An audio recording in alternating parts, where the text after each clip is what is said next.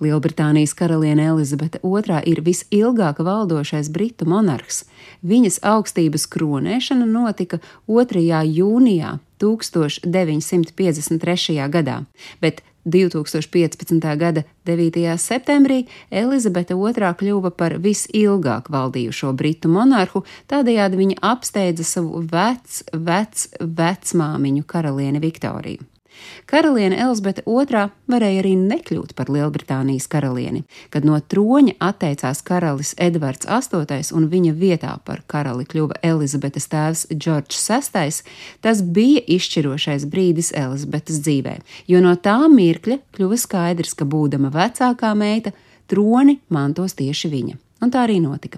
Pēc tēva Džordžas sestā nāves 6. februārī 1953. gadā, kad viņš iepriekšējā naktī bija nomiris miegā un saskaņā ar apvienotās karalistes likumiem, šajā brīdī automātiski par monarhu kļuva viņa pirmdzimtais bērns. Un tā šajā gadījumā bija Elizabete II.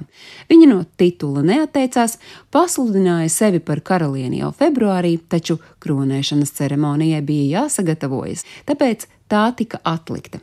Kronēšanas ceremonija notika 1953. gada 2. jūnijā, kad klātesot 8000 lūgtiem viesiem, Elizabete II deva svinīgu solījumu kalpot savai tautai un dievam. Viņai nodeva visus četrus britu autoritātes simbolus - scepteri, karalisko gredzenu, lodi, kā arī apžēlošanas zīzli.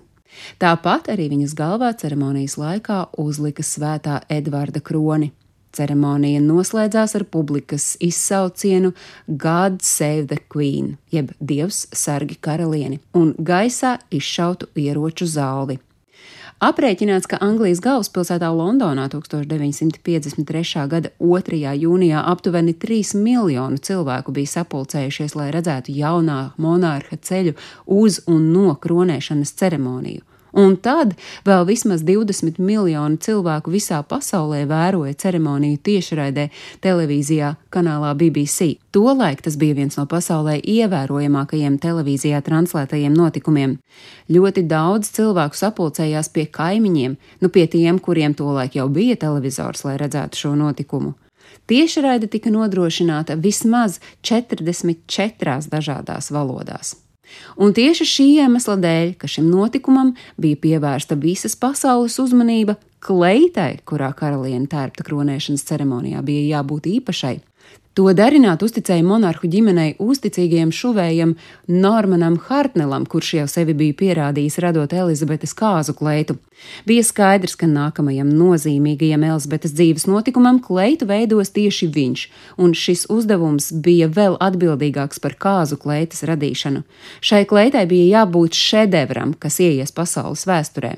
Šuvējs Normans Hartnels bija radījis deviņus dizaina paraugus, no kuriem īstais bija astotais.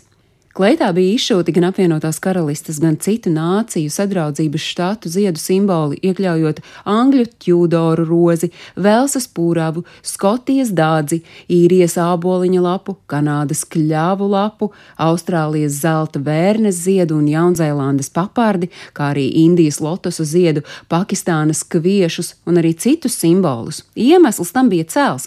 Raugi, tad ceremonijas laikā katra valsts centīsies ieraudzīt savu simbolu un tādējādi jutīsies pagodināta. Kleitu darināja sešas vislabākās Lielbritānijas šuvējas, bet pašas karalienes vēlme bija, lai kleita tāpat kā kāzu kleita būtu no satīna un lai tā akcentētu karalisko eleganci bez lieka formas uzsvara. Papildus kleitai tika radīts arī kolobiums sindonis, kas tulkojumā no latīņu valodas nozīmē vantu tunika, bet patiesībā ir vienkārši balta līna halāts bez piedurknēm. Tādu visi Lielbritānijas monarhi vilkuši kronēšanas ceremonijas laikā. Uz pleciem bija piestiprināta purpura samta mantija, un tās darināšanai bija nepieciešamas 3500 darba stundu izšuvumi veikti ar 18 dažādu veidu zelta pavadieniem. Kronēšanas dienā sešas goda kalpones nesa šo 6,5 metru garo mantiju aiz karalienes. Pēc kronēšanas, starp citu, pati kleita tika vilkta vairāk kārt, piemēram, karalienei atklājot parlamentu Jaunzēlandē, kā arī vizītēs Austrālijā, Ceilonā un Kanādā. Bet šobrīd kleita ir daļa no karaliskās kolekcijas. stāstīja Agnese Drunka.